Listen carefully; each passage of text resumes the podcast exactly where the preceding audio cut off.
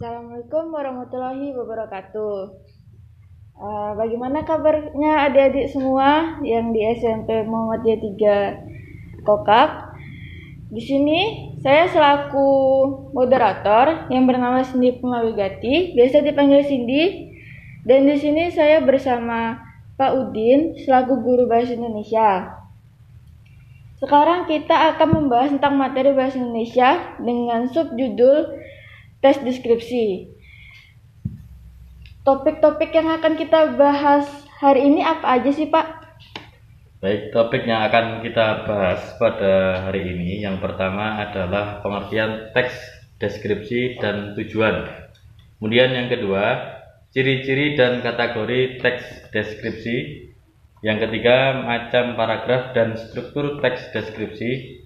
Dan yang keempat, cara membuat teks deskripsi. Oh, Oke. Okay. Sekarang saya akan menanyakan tentang pengertian dan tujuan dari tes deskripsi itu bagaimana sih Pak? Teks deskripsi adalah teks pemaparan atau penggambaran dengan kata-kata yang jelas dan terperinci. Okay. Teks deskripsi menggambarkan kondisi objek dari sudut pandang penulis. Hmm. Penulis harus dapat menjelaskan secara konkret seakan pembaca dapat merasakan secara langsung apa yang digambarkan dalam teks deskripsi. Teks deskripsi berisi tentang penggambaran objek, tempat, atau peristiwa tertentu sehingga dapat dirasakan, dilihat, dicium, dan didengar oleh pembaca. Tujuan teks deskripsi ada beberapa fungsi dan tujuan dari teks deskripsi, baik tujuan utama maupun tujuan sekunder. Berikut merupakan beberapa tujuan teks deskripsi. Yang pertama, memberi gambaran mengenai suatu objek. Tujuan utama teks deskripsi adalah untuk memberi gambaran dan penjelasan yang utuh kepada pembacanya supaya mereka dapat memahami objek yang sedang dibicarakan dengan jelas. Objek yang dibahas bisa berupa orang, tempat, benda, dan lain-lain. Yang kedua, membuat pembaca seolah-olah merasakan objek dengan panca indera. Jadi, teks deskripsi juga bisa membuat pembaca dapat merasakan objek yang diteliti dengan panca indera mereka. Dengan membaca gambaran pada teks deskripsi, pembaca seakan-akan dapat melihat, mendengar, dan mengalami apa yang dideskripsikan oleh penulis. Yang ketiga, menjelaskan ciri-ciri fisik objek. Teks deskripsi menjelaskan ciri-ciri fisik objek yang dideskripsikan secara rinci dan detail. Ciri-ciri fisik objek yang dimaksud ini bisa berupa ukuran, bentuk, warna, sifat, kepribadian, dan lain sebagainya. Jika yang dijelaskan adalah orang, maka dijelaskan juga profil dan biodatanya. Kemudian yang keempat, melukiskan objek dari sudut pandang penulis. Tujuan teks deskripsi juga penting untuk melukiskan objek dari sudut pandang penulis. Dalam isi teks, Penulis menjelaskan gambaran objek dari sudut pandang dan pengetahuan yang dimiliki penulis. Meski begitu, isi teks harus tetap jujur dan objektif, tidak boleh dibuat-buat atau dilebih-lebihkan. Tujuan utama teks deskripsi adalah untuk memberi gambaran dan penjelasan yang utuh kepada pembacanya supaya mereka dapat memahami apa yang sedang dibicarakan dengan jelas. Oke Pak. Nah tadi kan kita sudah tahu nih Pak tentang penjelasan dan tujuannya. Ya. Jika ciri-ciri dan kategori dari tes deskripsi tes deskripsi itu bagaimana Pak? Uh, ciri-ciri teks deskripsi itu yang pertama sebagai sarana penggambaran atau penjelasan sebuah objek. Kemudian ciri yang kedua, penggambaran atau penjelasan ditulis secara rinci yang melibatkan unsur indera dan yang ketiga, pembaca seolah-olah dapat merasakan langsung apa yang digambarkan melalui teks deskripsi. Yang keempat, menggunakan bahasa yang mudah dan sering dipakai dalam kehidupan sehari-hari. Yang kelima, menggunakan bahasa kiasan. Yang keenam, menjelaskan ciri fisik seperti bentuk, ukuran, warna, maupun keadaan suatu objek yang ingin digambarkan. Yang ketujuh, menggunakan kata sinonim. Yang kedelapan, menggunakan majas. Yang kesembilan, menggunakan kata ganti orang.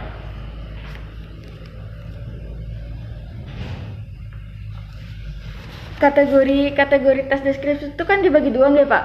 Ya. Nah, Bapak bisa menjelaskan tentang kategori-kategorinya itu bagaimana Pak? Kategori yang pertama, teks deskripsi berdiri sendiri.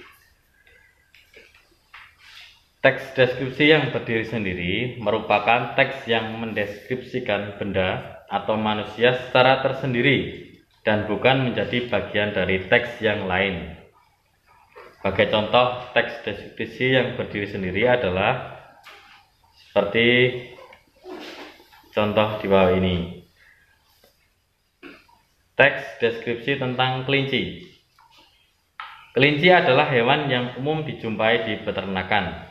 Masyarakat Indonesia sendiri telah mengenal kelinci sejak abad 18. Pada tahun 1972 ditemukanlah kelinci lucu yang pertama di Indonesia tepatnya di Pulau Sumatera. Kelinci tergolong ke dalam kelas mamalia yang artinya memiliki darah panas, yang mana berkembang biak dengan cara beranak atau melahirkan. Dalam sekali berkembang, dalam sekali berkembang biak, kelinci dapat menghasilkan empat ekor anak sekaligus. Keistimewaan dari kelinci adalah gigi mereka akan terus tumbuh selama mereka masih hidup Sebenarnya, kelinci dapat ditemukan di berbagai belahan dunia, seperti di benua Eropa dan Afrika. Hewan lucunan mengemaskan ini memiliki habitat dan tempat tinggal di hutan hujan dan sabana. Namun, pada abad ini kelinci juga sudah mulai dibudidayakan untuk diambil manfaatnya. Secara umum, kelinci dapat dibagi menjadi dua jenis, yakni kelinci liar dan kelinci hias atau peliharaan. Sedangkan menurut tasnya, kelinci dapat dibagi menjadi berbagai jenis seperti anggora, marmut, australian, dan lain sebagainya. Kemudian kategori yang kedua, teks deskripsi yang menjadi bagian dari teks yang lain. Teks deskripsi yang menjadi bagian dari teks yang lain merupakan teks deskripsi yang terdapat pada bagian teks yang lain.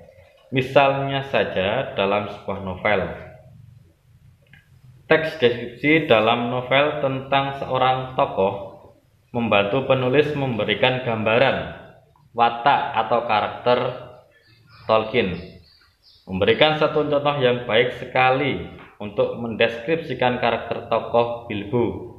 Mari kita cermati salah satu paragrafnya.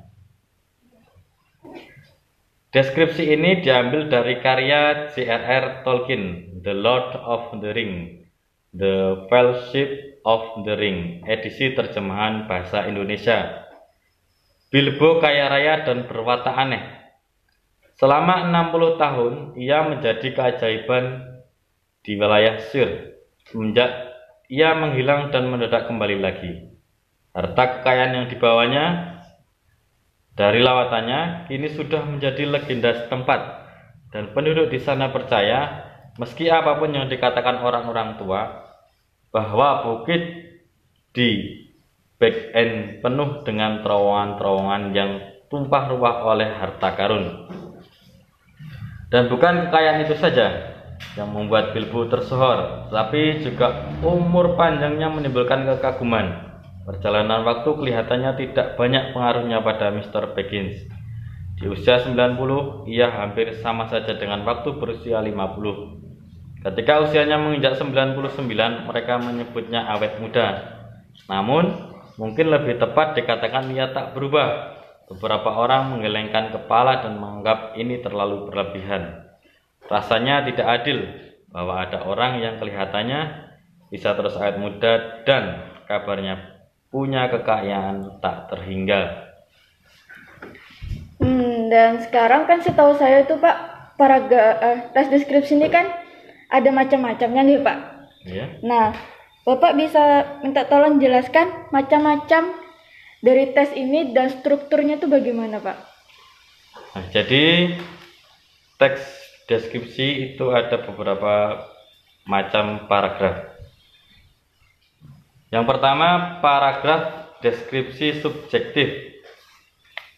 Paragraf deskripsi subjektif adalah salah satu paragraf deskripsi yang memuat lukisan dan gambaran suatu objek menurut tafsiran, kesan, dan perasaan si penulisnya.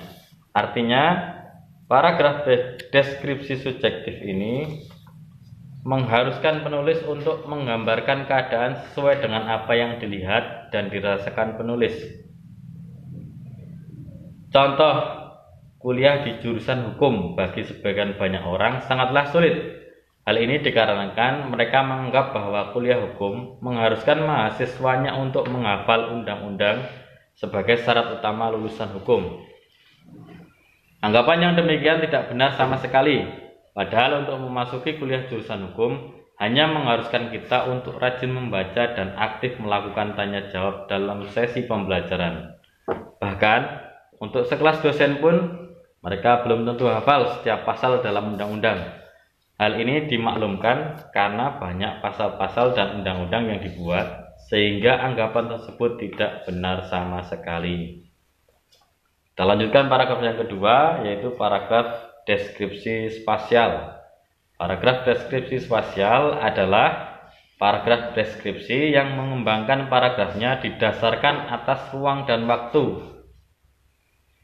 Dengan teratur, penulis menggambarkan suatu ruangan dari kiri ke kanan dari timur ke barat, dari bawah ke atas, dari depan ke belakang, dan sebagainya.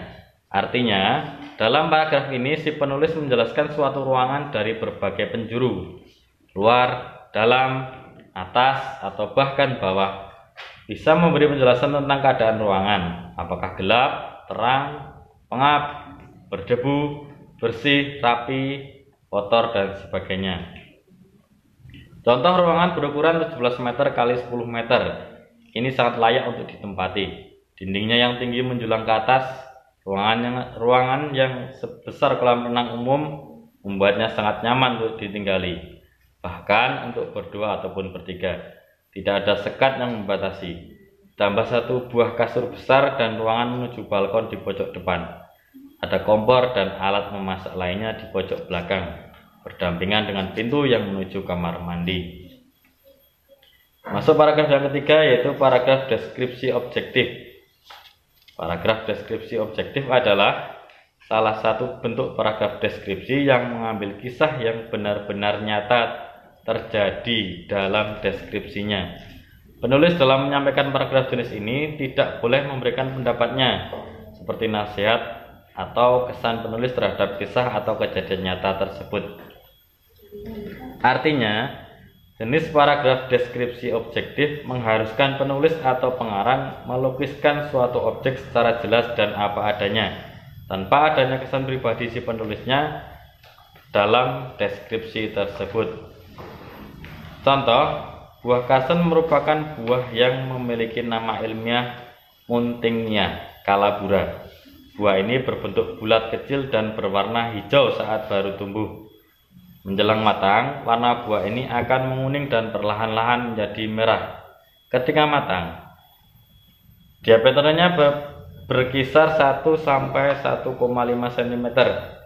Tekstur buah ini sangat lembut dan mirip seperti biji-bijian yang bentuknya sangat kecil serta mempunyai rasa yang manis.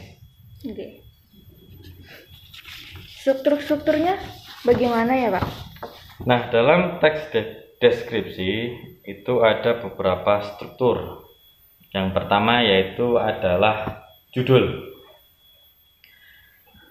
Judul ini bertujuan untuk mengetahui apa isi dari teks deskripsi tersebut. Setelah judul ada identifikasi. Identifikasi ini adalah bagian utama dalam menentukan objek yang akan digambarkan. Kemudian ada klasifikasi. Klasifikasi merupakan tahapan dalam kategori dan mengelompokkan berdasarkan kaidah atau standar yang digunakan dalam penulisan teks deskripsi. Kemudian yang keempat, deskripsi. Pada poin ini, penulis menuliskan penggambaran yang berbentuk sebuah teks deskripsi. Dan struktur yang terakhir adalah penutup berisi kesimpulan atau penegasan kembali berbagai hal penting yang terdapat di dalam teks.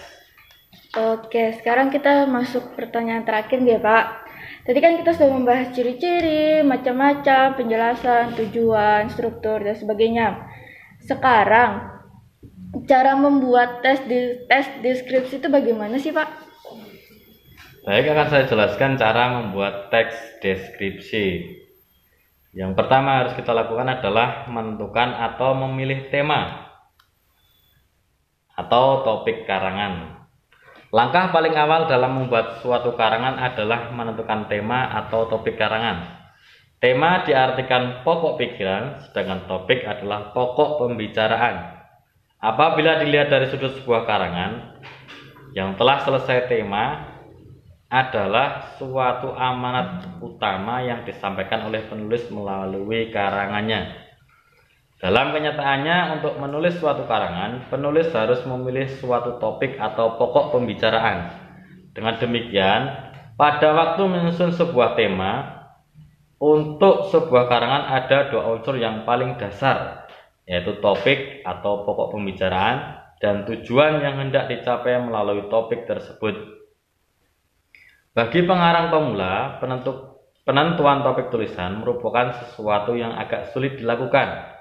Dalam menetapkan topik penulis, harus menguasai betul kira-kira permasalahan apa yang akan ditulis.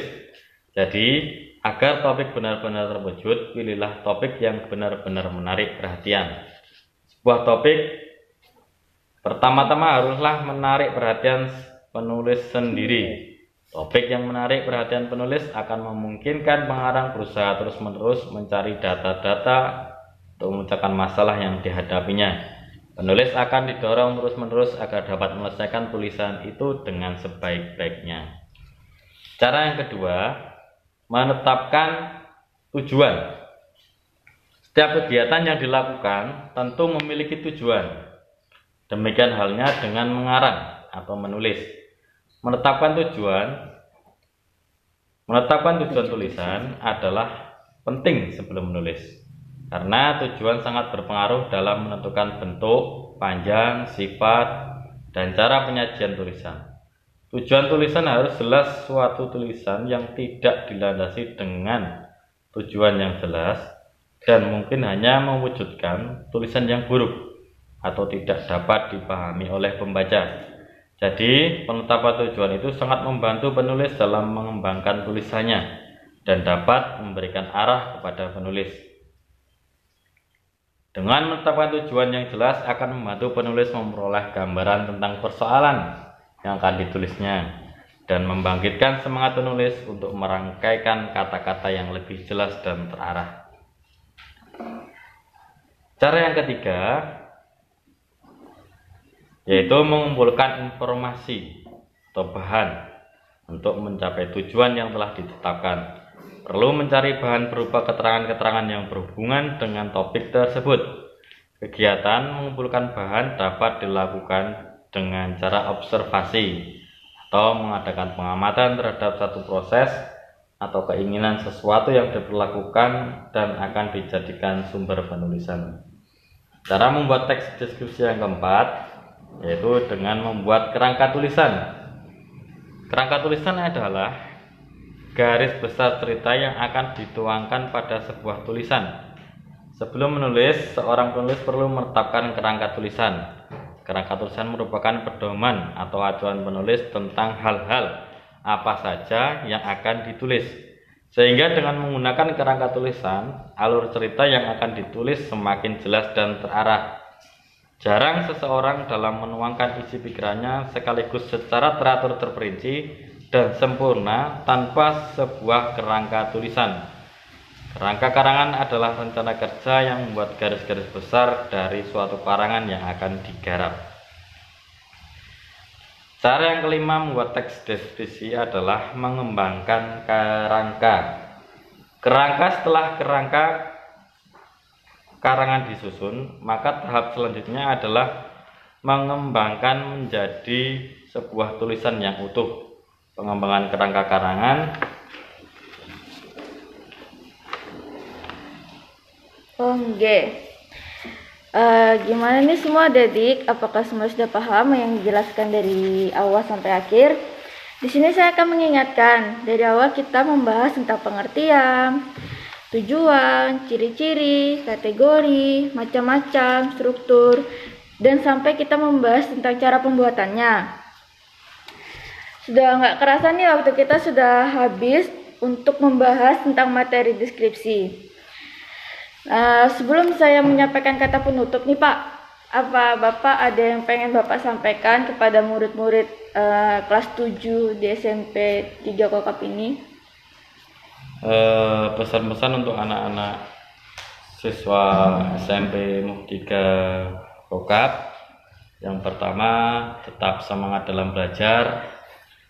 Yang kedua, tetap patuhi protokol kesehatan dan yang terakhir harus lebih giat lagi belajarnya supaya mendapatkan hasil yang memuaskan. Itu ya pesan dari Bapak Udin untuk siswa-siswi SMP Muhammadiyah Kokap ini. Dan sini sudah waktunya kita mengundurkan diri ya Pak. Iya. Saya selaku moderator dan Bapak Udin sebagai guru. Jika ada salahnya kita mohon maaf. Uh, sekian dari kami. Wassalamualaikum warahmatullahi wabarakatuh.